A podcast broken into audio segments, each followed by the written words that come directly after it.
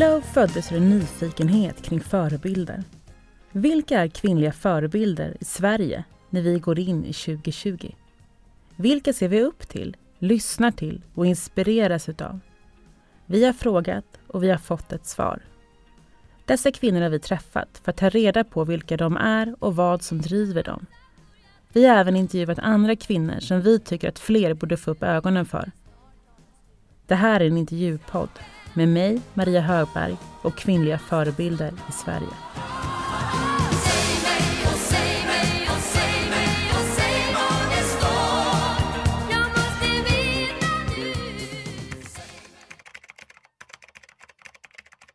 Som mamma, särskilt nybliven förstagångsmamma med en förkärlek för föräldrasajter och mammabloggar Formligen dränks man i råd om hur man måste uppfostra och bete sig med sina barn.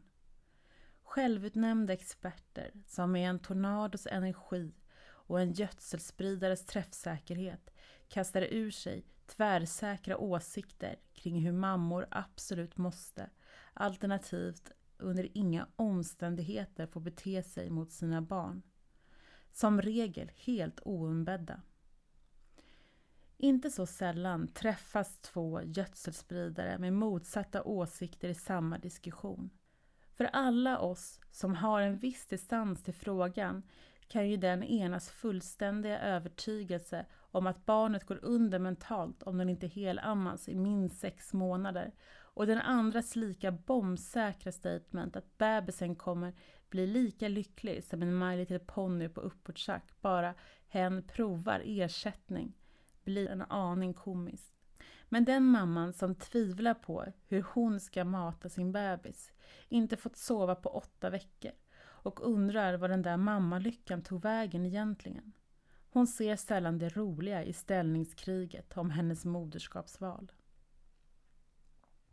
Denna text är hämtad från Cecilia Chaporskas krönika om dömande föräldraskap från 2014. Samma dag som man får barn så måste man också lära sig att bli källkritisk. Helt plötsligt finns det experter överallt. Alla har sina svar, sina råd och sina tankar om vad som är rätt och vad som är fel. Då är det bra att ha någon som navigerar oss rätt, som har utbildningen och drivkraften att slå hål på myter och nyansera bilden. Därför är det så härligt att ha med Cecilia i podden idag. Både för att besvara era frågor, men även för att vi vill lyfta upp henne och hennes arbete. Cecilia är specialistläkare i barn och ungdomsmedicin samt doktorand på Karolinska institutet.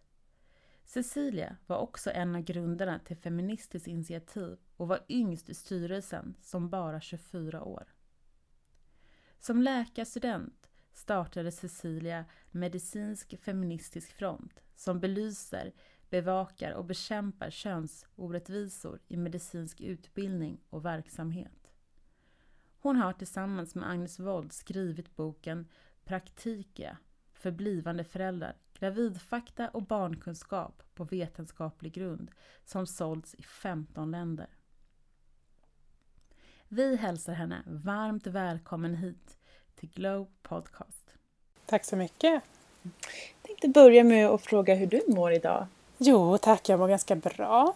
Jag har, eh, försöker tillfriskna från en egen coronainfektion och det går Jaha. långsamt men åt rätt håll.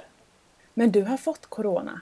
Ja, jag tror det. Jag har ju inte heller, jag har blivit testad nu eftersom jag är sjukvårdspersonal men jag har inte fått svaren. Så att, vi får se. Men det kan inte vara något annat. Nej, du har fått alla liksom märkbara symptom. Ja, precis. Så det är bra att vi gör det här på distans. Ja men precis, det är ju liksom en ny verklighet. Jag sa ju ja. det till dig innan vi startade, jag sitter ju i en klädkammare här istället för i vår poddstudio. Ja. Eh. Jag sitter i eh, min sons eh, tonårsrum. Ja, man, får liksom, man hittar nya sätt att jobba på på något sätt. Och, och konstigt nog så tycker jag att det liksom fungerar ganska bra ändå. Men det här funkar ju skitbra hittills. Ja, men jag tänker så här, du är ju eh, barnläkare på Astrid Lindgrens. Yes. Eh, du doktorerar och du bloggar på Barnakuten. Precis. Du glömde att jag har skrivit böcker också. Och skrivit böcker också. Ja. Ja, herregud, du har hunnit med så otroligt mycket. Eh, men hur påverkas ditt jobb av covid-19 som Jättemycket. Jag var så otroligt nöjd innan covid kom för att jag tyckte jag hade designat det perfekta arbetslivet för mig själv. Jag jobbade 50 procent med patienter inom barnhemsjukvården på Karolinska. Fantastisk enhet. Det blir barn som annars hade behövt ligga på sjukhus kan istället få vård hemma. Jag älskar den enheten. Men det var lagom att jobba 50 procent och så de andra 50 procenten delade jag mellan min forskning och eh, jobb med att lansera min och Agnes Wolds senaste bok i eh, engelskspråkiga marknader och barnakuten.nu då. Mm. Eh, och eh, sa ja, men varje vecka att jag hade ett så perfekt upplägg. Och sen kom covid och då sa min chef lite ödmjukt och snällt att han skulle nog behöva mig lite mer. Eh, det var ett sätt att förmedla att alla forskningsledigheter, alla tjänstledigheter drogs in. Men det var ju självklart, man vill ju inte göra någonting annat än att liksom hjälpa till. Så vi har vårdat både barn med och utan covid men en del av våra sjuksköterskor på enheten har gått till vuxensjukvården för de kan intensivvård. Vi har stått för eh, personalprovtagningen för covid. Eh, så att det blev väldigt intensivt. Och sen så har vi nu flera stycken av oss blivit sjuka själva. Så att, och jag har fortfarande feber så att jag är isolerad i hemmet. Så att det har påverkats jättemycket. Och min forskning också, den är i samarbete med Folkhälsomyndigheten och statistikerna där får jag jobba med covid istället. Så att man får styra om alltihop. Mm. Men vad gör du nu då när du är... Är det forskningen du lägger fokus på nu eller översättning av boken nu när du är isolerad hemma? Ja, boken är ju översatt men den är...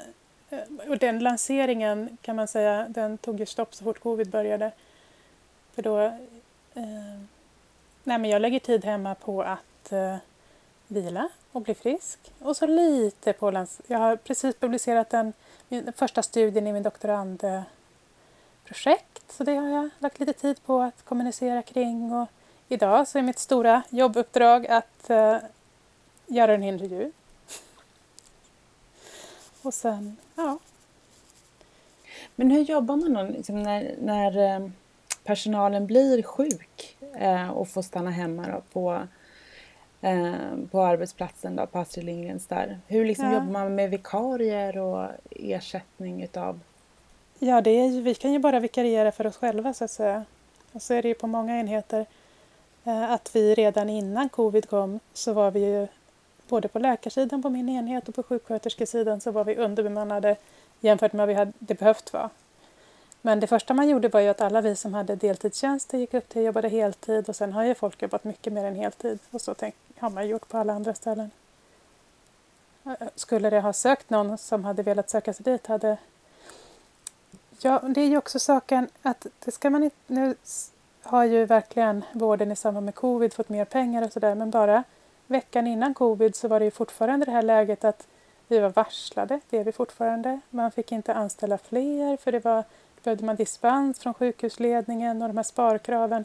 Så det var ju en sån vård som sen gick in i covid. Så hur, hur är liksom arbetssituationen för de som jobbar där nu då? Tuff. Man jobbar långa pass och många pass och täta pass. Eh, men hittills uppfattar jag ändå att mångas ork har räckt till. Eh, och det är ju eh, samtidigt eh, är det ju mycket av det här som tidigare har lagts fokus på med olika typer av administration man inte har förstått sig på som har flugit all sin kos och saker händer snabbt och det är för patienternas bästa och så. Så det ger ju en positiv stämning. Mm. Hur tror du det kommer vara liksom eh, när det här har gått över till mer liksom, ja, lugnare förhållanden med personalen? Tror du att det kommer då? Alltså den här...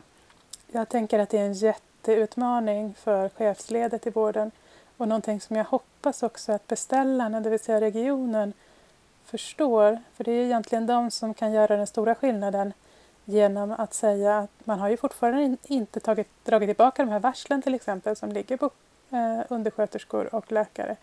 Men att säga att man inte bara drar tillbaka dem utan man förstår att vården behöver kosta mer nu.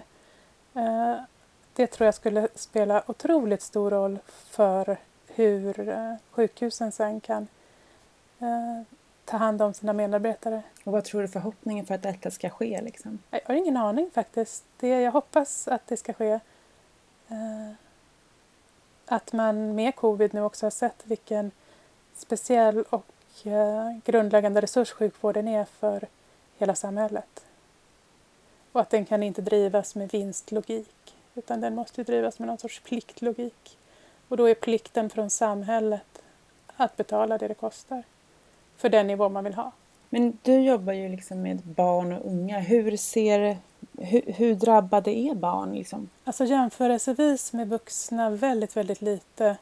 Jag tänkte på det här om sistens att om vi inte hade sett några vuxna med covid utan bara barn med covid, då hade vi inte fattat att det var ett nytt virus på gång.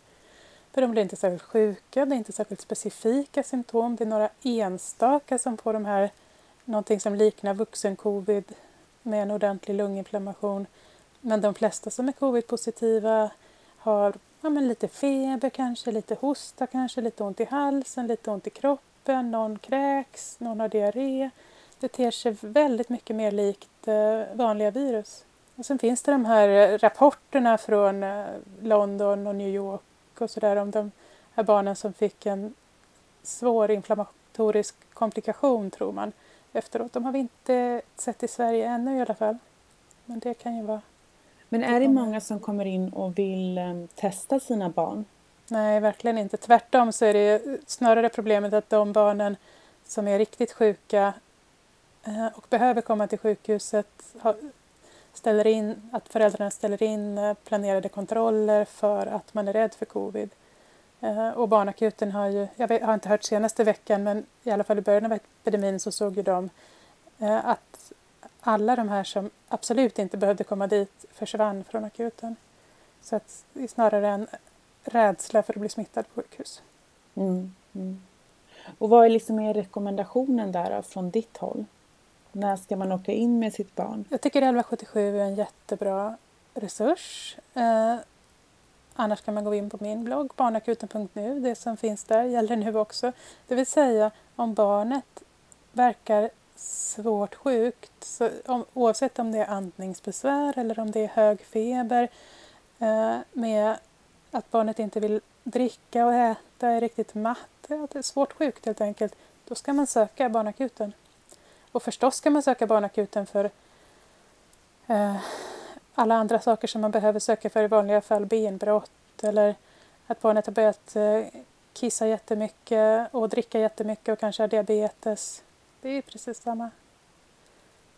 Så det är viktigt att man inte slutar med det. Mm.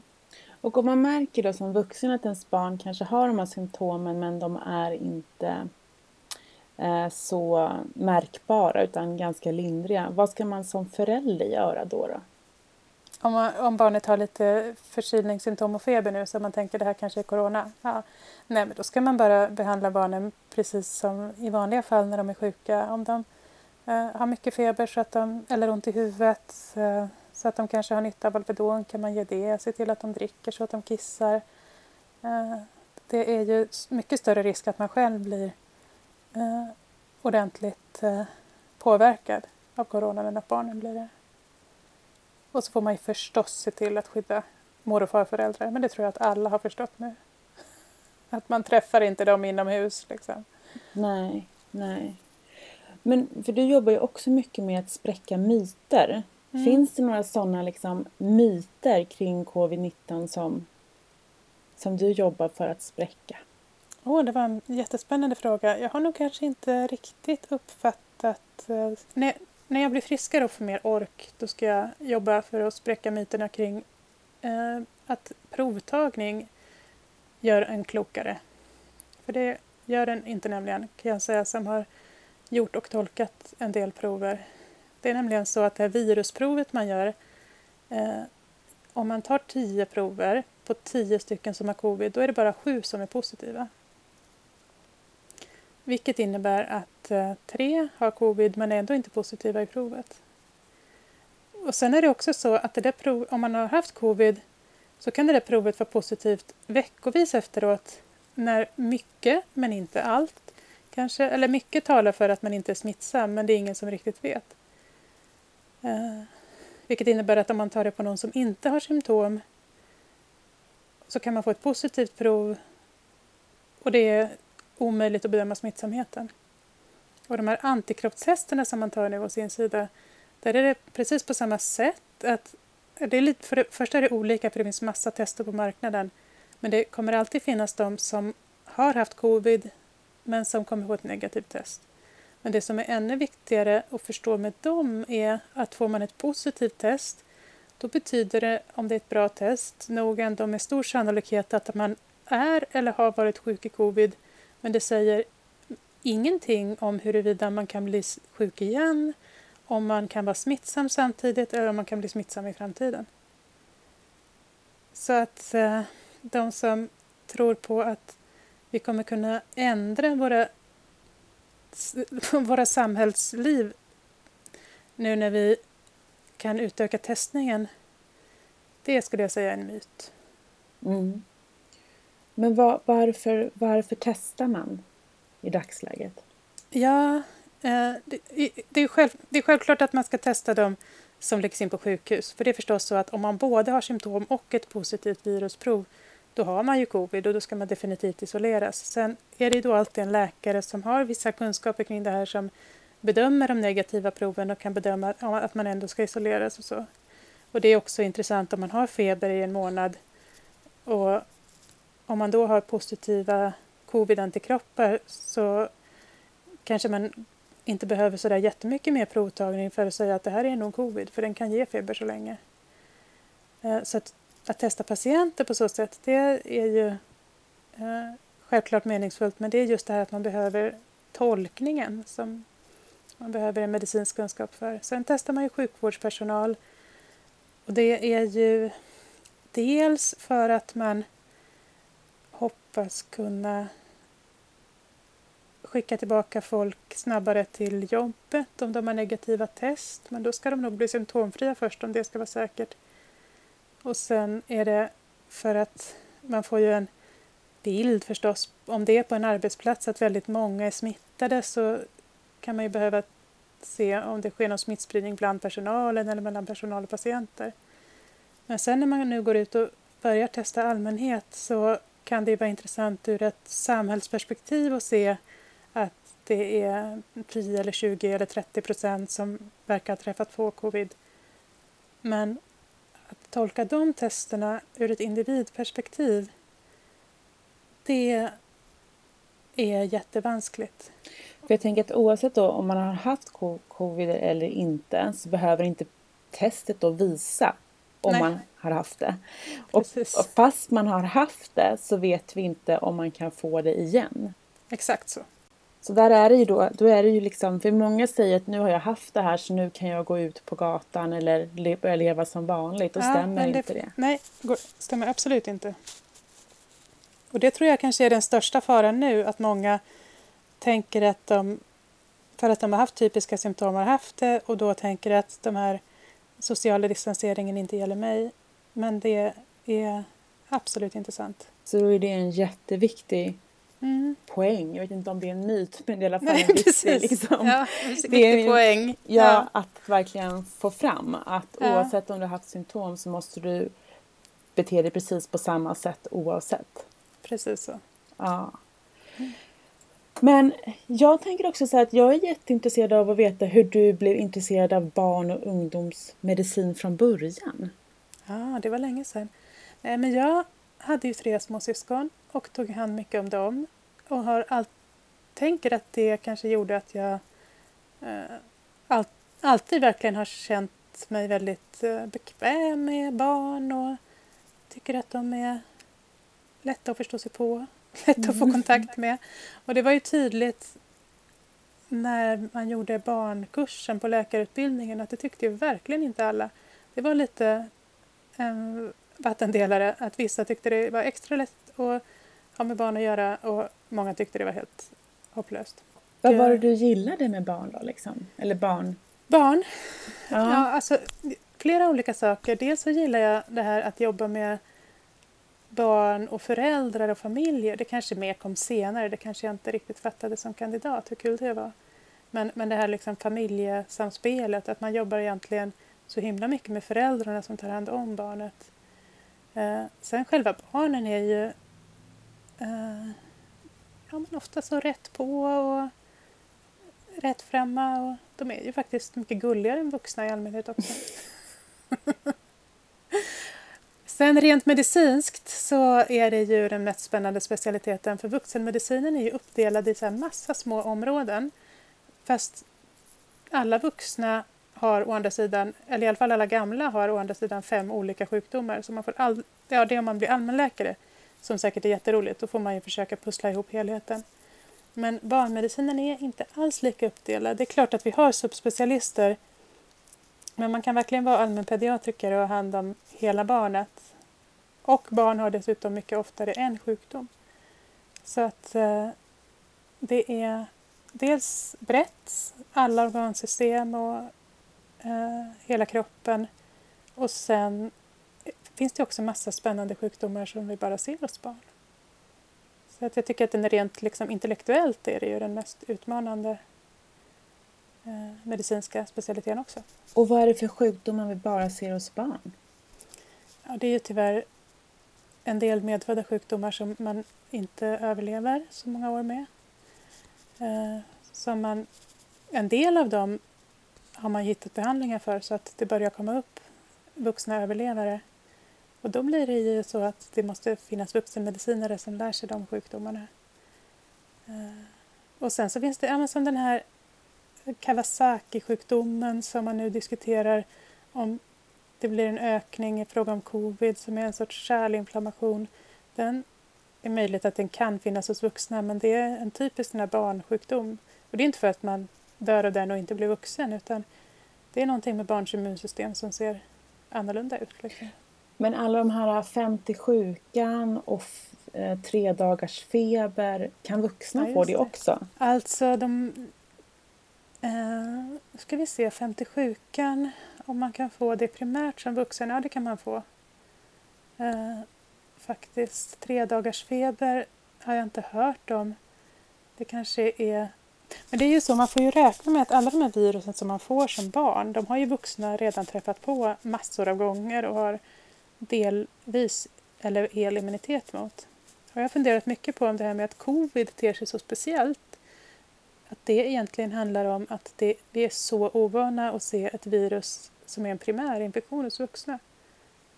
Eh, det är bara en tanke i det, att det kanske skulle vara så om man många av de virusen som är ganska benigna hos vuxna nu för att, att det är just det för att de hade sina primärinfektioner när de var barn och har en viss immunitet. Det vet man mm. inte. Men... Mm. men då betyder det ändå att på något sätt om vi har fått den här infektionen flera gånger så, mm. så blir den lindrigare och lindrigare. för varje gång. Kanske. Ja. Precis. Och det skulle man kunna tänka sig, om det nu är så illa att covid inte ger ett fullt skydd första gången så att man kan få det gång på gång kan man ändå tänka sig att den kommer för varje person bli mildare och mildare för varje gång man får den. Det, så, så brukar virus funka. Men så är det mycket som vi tycker med den här covid som sagt att den inte ter sig som virus brukar te sig. Men... Nej. Men det låter ju ändå fall lite hoppfullt för, för de som växer upp, att de ändå liksom skapar sig någon form av... Ja, men det tänker jag. Jag tänker att det är eh, det värsta för de som växer upp just nu, förutom att eh, samhällsimplikationen, det är nog kanske att eh, många av dem kommer ju ha mor och farföräldrar som drabbas hårt och en del av dem kommer ju ha föräldrar och fastrar och mostrar som drabbas hårt. Men hur liksom öppen tycker du man ska vara med sjukdomen mot barn? På deras ålder. Men jag har varit väldigt... Eh, mina barn är ju eh, de är 8 och 12 så de är, ja, en 12-åring läser tidningen och sådär. Och de pratar ju jättemycket om corona i skolan och de har ju ändrat på massa rutiner i skolan på grund av det så att de, det undgår de ju inte. Men det som jag hela tiden har Eh, poängterat, vilket jag tror har varit bra för dem, är just det här att det inte drabbar barn hårt.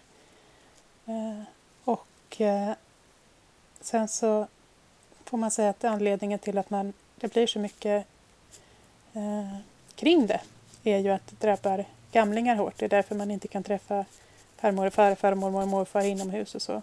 Sen har jag kanske inte pratat jättemycket om hur det drabbar föräldragenerationen. Så länge de inte frågar. Men om, om de skulle fråga får man ju säga att det drabbar de flesta.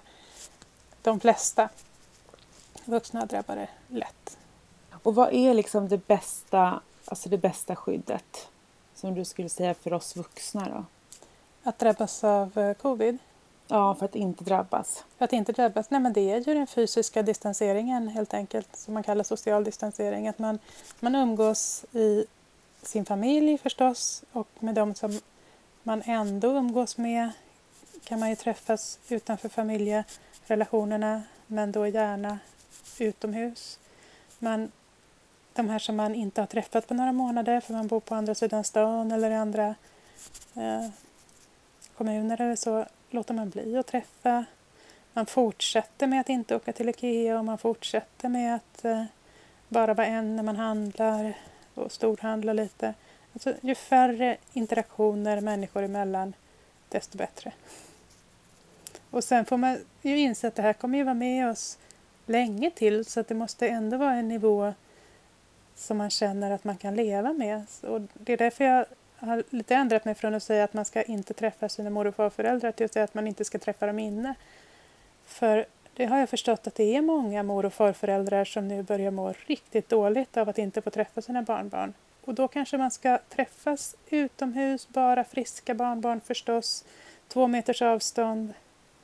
För att man måste hela tiden anpassa efter att inte eh, eh, boten blir värre än soten, eller vad man ska säga. Att det, man, man, kan inte ha allt för svåra konsekvenser av isoleringen. Men har man symptom, då får man ju isolera sig, så är det bara. Mm. För jag tänker också i början så var ju min upplevelse att man var väldigt, väldigt strikt. Mm. Eh, och sen så är min upplevelse nu att det liksom man börjar se att folk rör sig lite mer. Att man... Det är min upplevelse också och det eh, tror jag är dumt. Vi får se om det visar sig vara sant. Det har ju också byggts upp. Du bor också i Stockholm kanske? Ja, det, jag har, tycker mig ha sett samma sak. Det har ju byggts upp en viss immunitet och det kan ju hända att det inte syns på siffrorna framöver men det är ju fortfarande väldigt, väldigt belastat inom sjukvården. Eh, och eh, det är ju inte som att viruset har blivit mindre farligt. Så att vi får lyssna på våra myndigheter fortsatt tycker jag och först när de säger att man kan släppa på distanseringen så ska vi göra det. Mm, mm, att vi man orkar hålla ut lite till mm. och tänka att bara för att det inte har drabbat mig så betyder det inte att det inte kan drabba mig. Dels det och dels också det här Även om det har drabbat mig så finns det ingen som säger att det inte kan drabba mig igen eller att jag inte kan vara det. Ja, Nej, men det är ju jätteviktigt att man verkligen får med det. Mm. Det jag också tänker är sådär typ med, med barnens barn, eller barnens barn, barnens kompisar. Ja. Eh, hur liksom, för att man tänker typ hemma hos mig, de springer ju in och ut. Eh, ja. Där är det ju liksom svårare att Ja, och de, men de tänker jag, jag har ju umgåtts hela tiden och de umgås i skola eller förskola och eh, det är väl precis de interaktionerna som man fortsätter hålla igång tänker jag och så man får se, ja, det kanske blir mer umgänge med grannarna och klasskompisarna nu eftersom man ska undvika att umgås med kusinerna på andra sidan stan. Så det kan man fortfarande liksom, de kan man fortfarande släppa in i huset? Ja, det tycker jag absolut. Sen kanske man ska låta bli att ha sleepover party med tio stycken liksom. Eh, och tänka lite så. Men, men absolut släppa in i huset. Och det handlar ju också om att man inte ska drabbas, barnen inte ska drabbas onödigt hårt liksom. Cecilias krönika fortsätter. Inte så sällan ser man att självutnämnda experter hänvisar till vad en BVC-sköterska eller barnläkare sagt för att underbygga sitt eget argument. Det är ju lite lurigt. Men jag ska tala om en hemlighet för er. Vi som jobbar med barn och föräldrar ger olika råd till olika mammor. För vi vet att barn är olika, föräldrar är olika, Familjer är olika. Därför är det väldigt få råd som kan ges till alla mammor utan att man förstått hur familjens situation ser ut. De allmängiltiga råden kan väl sammanfattas med Drick aldrig alkohol när du är gravid. Låt barnen sova på rygg tills de kan vända sig själv. Ge D-droppar till åtminstone två års ålder. Skaka aldrig en bebis våldsamt. Använd aldrig fysiskt eller psykiskt våld mot barnen. Låt inte barnet dricka gift, äta batterier eller magneter. För i princip alla andra råd, inte minst alla som handlar om mat och sömn, så går det inte att säga något vettigt utan att lära känna barnen och familjen. Barn är väldigt olika när det gäller mat. Vissa älskar mat och äter lätt så mycket att de blir överviktiga. Andra är så petiga att varje måltid är en kamp. Vissa hatar att äta så mycket att de hellre svälter än att smaka på en ärta. Några mammor älskar myset med att sova i samma säng som barnen och andra kan inte få en blund av ångest för att råka ligga ihjäl sin bebis. Vissa barn vill vara nära, nära dygnet runt och andra blir tokstressade om någon tar i dem vid fel tidpunkt. Därför är det förstås så att det som funkar för mig kanske inte funkar för dig. Jag var ju väldigt feministiskt aktiv från tonåren egentligen och uppåt. Och så hade jag startat medicinsk feministisk front med mina läkarstudentkompisar i Göteborg för att vi upptäckte att det fanns ju inga kvinnliga professorer, och, eller inte inga, men det var ju väldigt få kan man säga. Eh, hon som fanns var dessutom antifeminist. Eh, men eh, Ja, eller i teorin då, om det är i praktiken vet jag inte. Då var hon ganska stöttande faktiskt till unga kvinnor, men i teorin var hon antifeminist. Eh, nej, det fanns jättefå kvinnliga professorer och så fanns det jättemånga kvinnliga studenter och sen så sa alla äldre män sa ja, ja, men det är ju för att det fanns ju inga kvinnliga studenter när professorerna läste. Och så började vi ifrågasätta det och det var ju förstås bara ljug. Det har ju varit en majoritet kvinnor på läkarlinjen, det hade ju varit i flera decennier eh, redan då.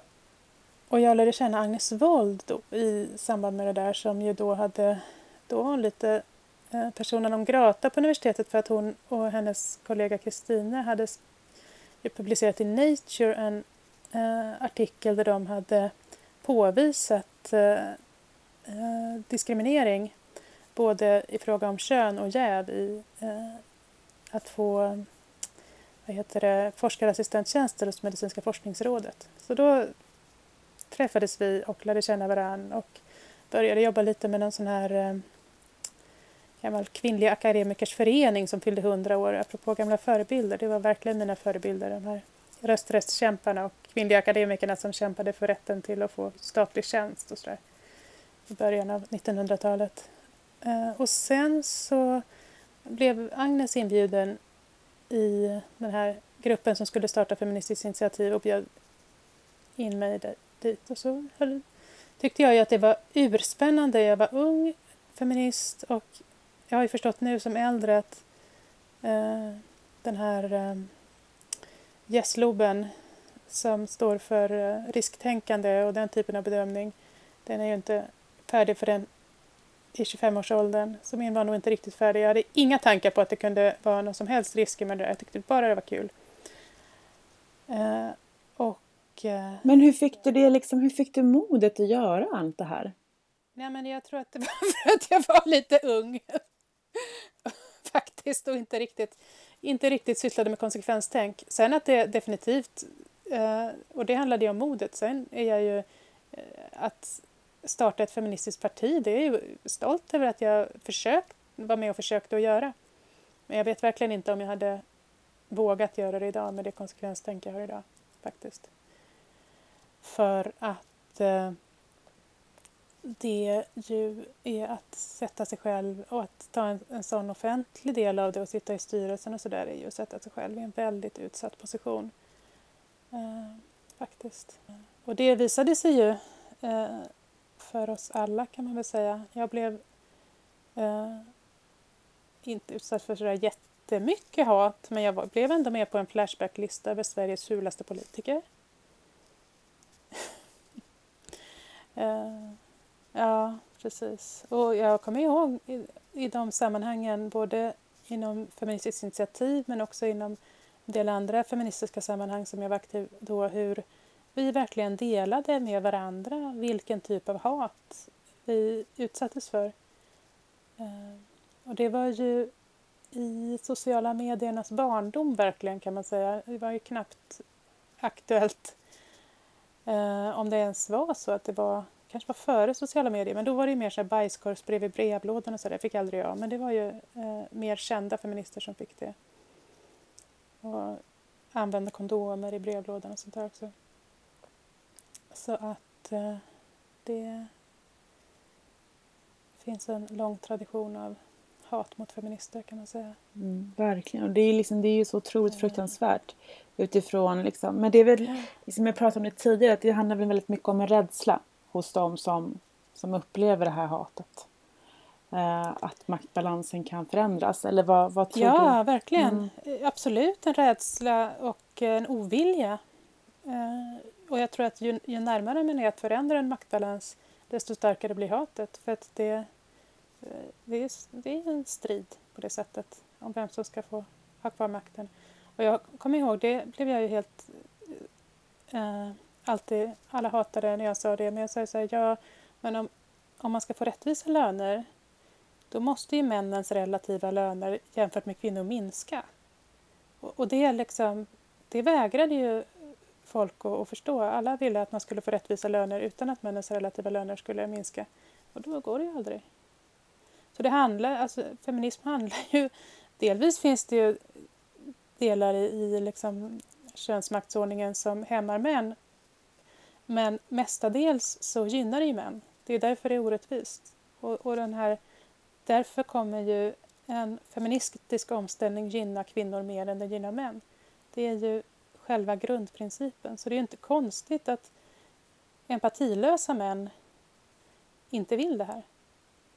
Sen har vi ju många empatiska män, precis som vi har många vita kvinnor som eh, också har empati för, och för eh, färgade kvinnor till exempel som är beredda att eh, ge upp en del av sina privilegier för andras skull. Men det handlar ju om att de, de som har mest privilegier ska ge upp en del av sina privilegier för att alla ska få del av kakan. Så det är inte konstigt att det skapar hat på något sätt hat och, liksom, hat och rädsla. Men det är också som jag tycker mm. är så fascinerande att, liksom att det man också visar att det finns ju inga, alltså om man skickar bajskorvar eller använder kondomer så finns det ju inga mm. argument till nej, varför det inte skulle bli så. Utan man måste på något nej. sätt använda några så här primitiva metoder för att skrämmas. Och det visar ju också bara på hur rätt egentligen det är eh, att ja. den här debatten förs. Men hur ser det ut idag då, om du tänker på den arbetsplats som du befinner dig på? Ja, jag befinner mig på en liten arbetsplats där jag... Jag väljer ju alltid mina chefer väldigt noga. Det är ju ett av mina främsta karriärråd till yngre. Välj din chef oerhört noga och det har jag gjort nu också. Och en sak som är väldigt viktig för mig eh, är ju att min närmaste chef måste gilla eh, att lyfta fram kvinnor och starka kvinnor. Och så är det definitivt. Min bästa kollega är eh, vi är ju väldigt få, vi är ju bara fyra läkare på vår arbetsplats. Vi är två kvinnor och två män. Och den smartaste och coolaste, det vet alla, det är min kvinnliga kollega Mireille. Eh, och eh, vår chef eh, som är man har, han, han bara uppskattar att vi är så bra. Liksom. Och låter oss växa. Mm. Och liksom jag tänker så här, vad händer med er då när ni är i det sammanhanget? Liksom, där ni har full respekt och... Ja, vi blir skitbra. Faktiskt. Vi blir så jävla bra doktorer och eh, Eh, handledare. Vi startar igång eh, utbildningsläkartjänster som blir eh, jättebra och vi tar initiativ till att skriva vetenskapliga artiklar om vad vi gör. Och, ja, sen ror vi ju inte alltid land, för vi har ju inte alltid i världen. Men det skapar en väldigt positiv spiral och stämning. Så, så. Och det kan jag också bara tänka mig sen när man själv kommer in med sitt barn. Vilken läkare vill man träffa? Mm.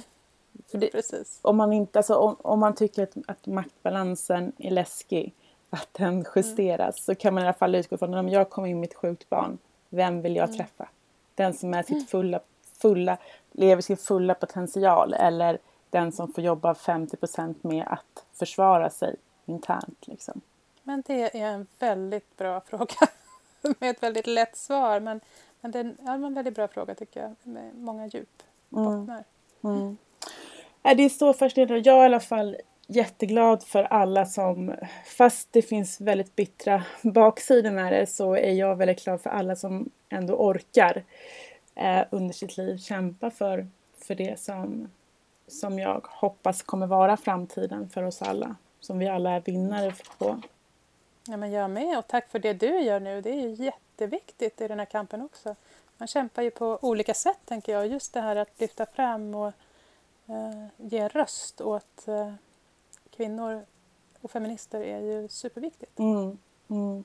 Jag tycker det. Sen så tycker jag ju alltid att de jag pratar med är så mycket mer imponerande liksom. Men jag tror att jag kommer bli väldigt klok i slutet utav det liksom. Jag tycker att det, du är imponerande nu. Det, jag bara svarar på dina frågor här från min sons säng. Du har liksom Ja. dragit igång allt det här. Ja, och jag hoppas att det kommer bli...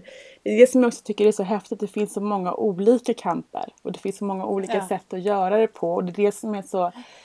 Jag blir så fylld av energi efter varje sån här intervju. Att jag liksom känner bara, äh, vi måste bara fortsätta. Vi måste hitta fler. Vi ska dammsuga hela Sverige på liksom alla som faktiskt gör någonting för att skapa energi och kraft i det liksom. Och inte bara ilska. fortsätta in eternity. Ja. Och det är ju jättebra.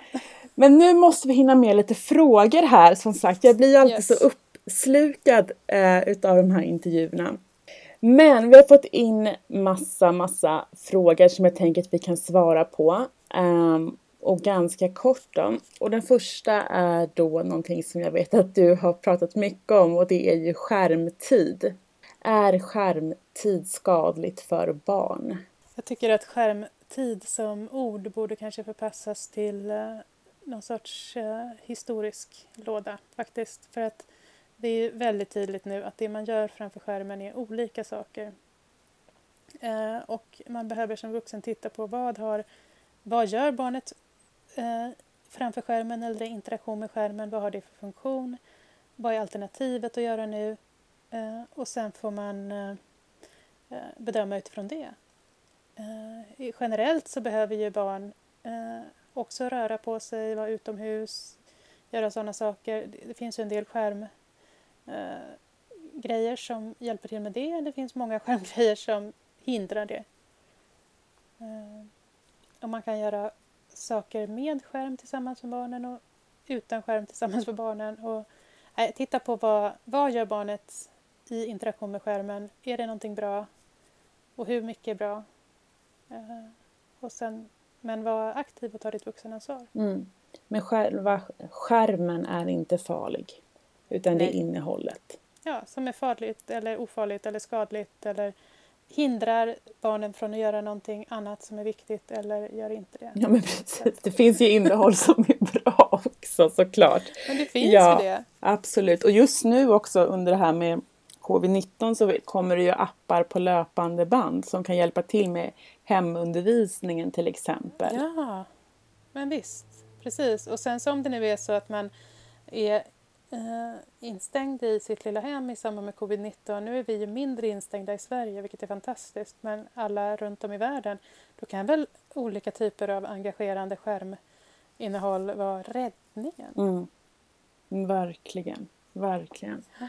En annan fråga här som jag tror att du också kan få ganska ofta det är ju då um, amning och ersättning till, till bebisar. Eh, vad är din uppfattning där? Min uppfattning är att eh, amning och ersättning är väsentligen hälsomässigt likvärdiga för mor och barn om man nu använder moderna industritillverkade ersättningar som de är avsedda att göra. Eh, och eh, att det är faktiskt ett val som är helt upp till respektive familj att göra. I första hand mamma och barn. Och jag tänker också om, om mamman då skulle vara sjuk nu med influensa eller någonting sånt så mm. eh, kan ju ersättning vara ett, ett bra alternativ. Eller hur, hur, hur länge är ett spädbarn skyddat till exempel från covid-19? Alltså man kan säga så här att om, om mamman inte hade covid-19 under graviditeten, vilket ju de flesta mammor inte hade, och inte har covid-19 efteråt, då är det varken så att då har barnet, spädbarnet inget skydd. Om mamman hade covid-19 under graviditeten och bildade antikroppar så har de troligen överförts till barnet, för så gör alla andra antikroppar och då har barnet antagligen ett visst skydd. Jag såg en studie här om sistens om att om en mamma som hade haft covid-19 ammade barnet, eller i hennes, i hennes mjölk, så fanns det skyddande, eller skyddande vet man inte om den är, men antikroppar mot covid som borde kunna skydda barnet från infektion som sätter fast sig på slemhinnorna, precis som alla andra antikroppar gör. Så att just i covid-sammanhang så eh, kan man väl säga att om man har en covid-smittad mamma som umgås med sitt barn, vilket jag tycker att mamman ska göra för att alternativet är horribelt, då kan det vara en extra fördel att mamman också ammar. Eh, å ena sidan, och det, den ena sidan är ju då för att barnet får antikroppar i modersmjölken som skulle kunna skydda mot luftvägsinfektionen. Å andra sidan eh, så eh, kan man ju säga att eh, Ja, vad var å andra sidan? Det glömde jag bort. Ersättning? Alltså Ersättning. Om, Nej, om mamman, ja. om mamman är väldigt trött eh, och eh, orkeslös av sin covid eh, och inte orkar amma så kanske ersättning är bättre för den familjen. Jo, och nej, va, å andra sidan tänkte jag säga var att spädbarn har mycket sällan visat sig bli svårt sjuka i covid. Även om de inte har ammats. Okej. Okay. Så de är, de är verkligen ingen risk, riskgrupp. Nej. Men att amningen kan ge ett litet skydd om mamman har det. Teoretiskt sett, ja. ja. Um, jag har ett barn på 8 och 10 år som inte fått vattkoppor. Ska jag vaccinera dem mot detta? Det skulle jag ha gjort. Det är också lite som covid faktiskt, att det, om man får en primärinfektion av vattkoppor i vuxen ålder så blir den ofta mycket värre än om man får den som barn. Och den där 8-10 års åldern det är någon sorts brytpunkt. Det är inte så att tonåringar kanske får jättejobbiga vattkoppor men, men det skulle jag nog vaccinera för att slippa de här jobbiga vuxenvattkopporna. Det är ett bra och välbeprövat vaccin. Ja, och det är ingenting så att man ska undvika det under de här tiderna nu Nej. Med, Nej. med sjukvården eller någonting sånt? Mm. Nej, det är väl en vaccinationscentral man går till då som är på stan. Ja, det kanske det är. Eh, och det är klart att i alla eh, sammanhang där man kanske möts många människor i ett trångt rum så riskerar man att få covid. Men det ska ju, man får väl ringa dem och höra så att de har ordnat upp det. De kanske har tidbokningar med 15 minuters lotter. Jag vet inte. Men man kan ju tänka att det här med covid, det kommer ju, den smittan kommer ju antagligen finnas här länge. Eh, om i bästa fall om det kommer ett vaccin som fungerar väl åtminstone detta och nästa år. Men det är ju mycket möjligt att vaccinförsöken inte blir så himla lyckade och då har vi ju det här. Liksom. Så det är bara att gå och vaccinera om man tycker att det känns rätt. Ja. Eh, när börjar barn få leverfläckar och hur vanligt är det med hudcancer för barn? Vissa barn har leverfläckar när de föds men eh, annars så eh, kommer de ju... Ja, kan nog se dem in, hos små barn men kanske att det blir fler och fler i skolåldern hos de som har anlag för det. Det är extremt ovanligt, nästan obefintligt eller obefintligt med hudcancer hos barn. Så det är först framåt övre tonåren. Som, men det är ju viktigt att man skyddar barnen mot solen för att de senare i livet inte ska få hudcancer. Mm. Precis.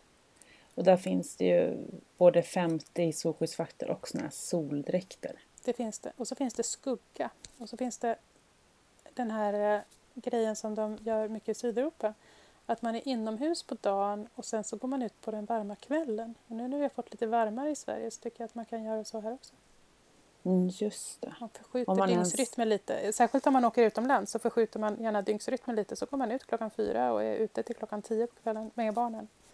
Och så får de sova till tio på morgonen och eh, skärma lite när det är som starkast sol. Ja, för jag tänker också så här hur det blir egentligen med alla badplatser i sommar, om det ens... Det undrar vi alla. Och det är väl så att Folkhälsomyndigheten precis håller på att titta igenom vad de ska ge för råd om sommaraktiviteter. Och har sagt att de kommer med det i slutet av maj. Precis, för det kanske inte är så att man kan besöka, besöka något, något sånt. Det finns och för sig lite öde badplatser. Ja, precis, lite öde badplatser. Men man kan ju tänka sig att de här stora organiserade badplatserna måste ju kanske säkert ta till någon sorts organisation. Ja, men precis. Men annars så verkar ju ändå linjen här ha varit att ge råd om att inte vara för tätt. Mm. Skulle, det skulle mm. förvåna mig, det är ju en del som har förvånat mig eh, med viruset, men det skulle förvåna mig om det blir ett totalt badförbud i sommar. Det skulle inte rimma riktigt väl med hur våra myndigheter har agerat tidigare under pandemin. Nej, precis. Det skulle bli en, vet du, en beteendeförändring. Rejält. Ja, precis. Och om man, nu, om man nu kan... Vi får väl se om de avråder från att man reser över landet. Men om man både ska avreda, avråda från att resa över landet och avråda från att bada så vet jag inte vad det blir för sommar.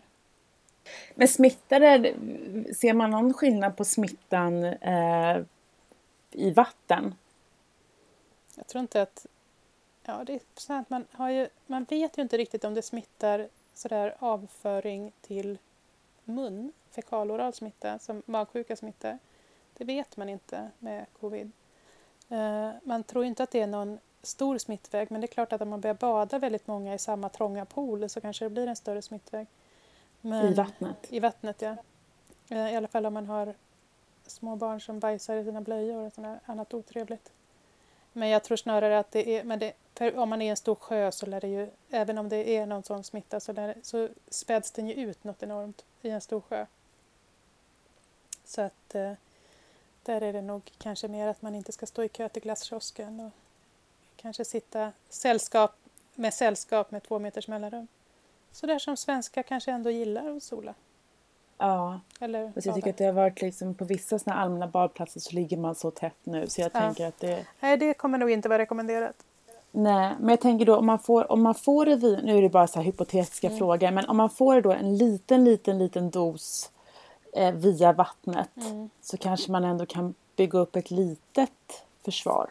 Det är en hypotes som inte är medicinskt orimlig, men helt oprövad. Ja, självklart. det är så nytt. Eh, vilka är de vanligaste olyckorna ni får in eh, på akuten, barnakuten?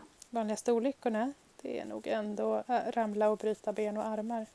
Och då gärna på vad heter det, studsmattor utan skyddsnät. Det var ett tag sedan jag jobbade på barnkirurgakuten men det tror jag är en sån där eh, brännskador är ju skållningsskador eh, och barn som har dragit ner en vattenkokare är inget kul.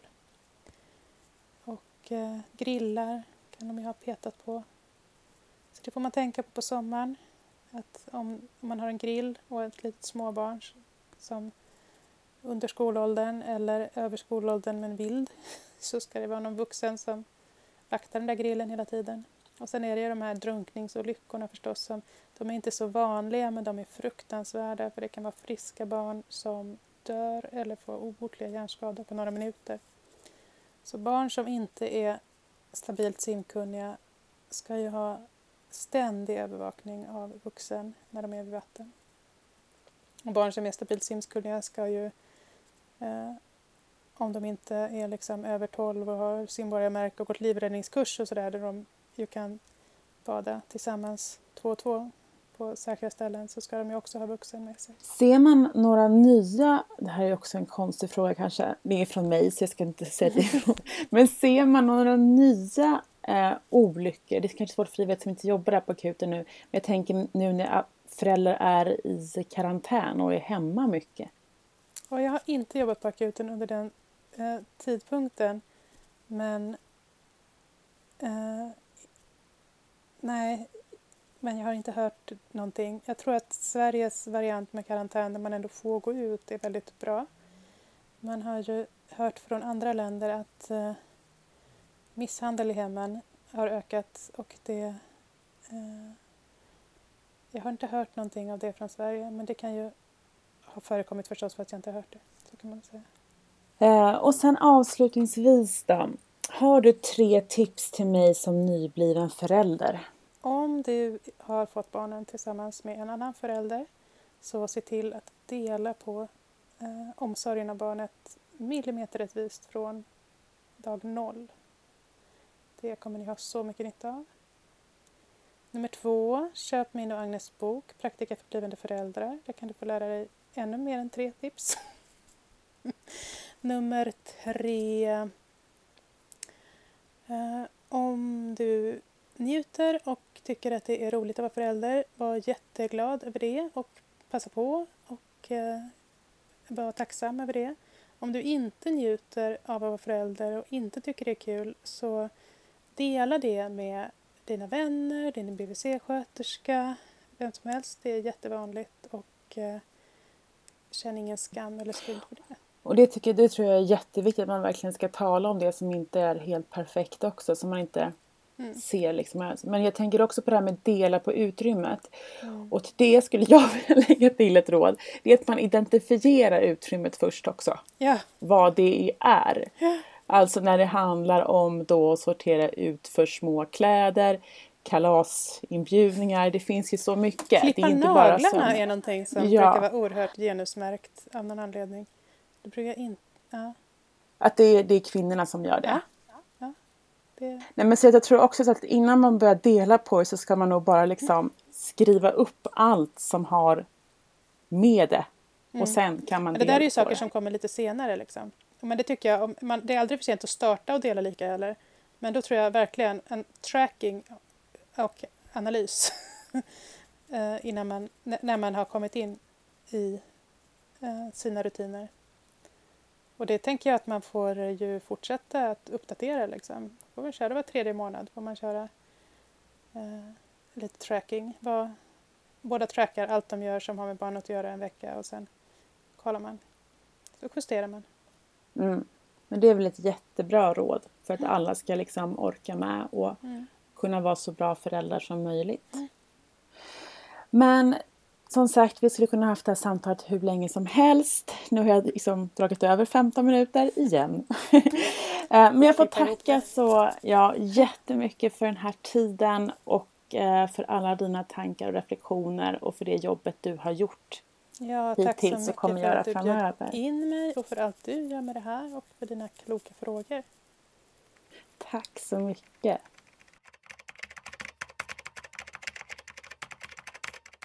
Avslutningsvis skriver Cecilia. Mammor är också olika. Några tycker att den lugna hemmatiden med bebis är det mest fantastiska i livet och gör allt för att förlänga hemmamammaskapet så länge som möjligt. Kanske byter hon till och med karriär och blir dagmamma när de egna barnen blir några år gamla. Andra rasar farligt nära depressionens brant av att bli berövade sitt vuxensammanhang. Snedtänder på amningshormoner och blomstrar i sitt föräldraskap när de får göra det på deltid och får vara vuxen bland vuxna om dagarna. Får jag be er om hjälp? Kan ni inte allihop, när ni stöter på åsiktstroll och fördömande, vara kärleksfulla stöttarmorsor som för varje elak kommentar postar två snälla? För det finns många sätt att göra rätt. Att vara elak och fördömande är inte ett av dem. Det här var allt från intervjun med Cecilia Schabowska och jag önskar er en fantastisk dag.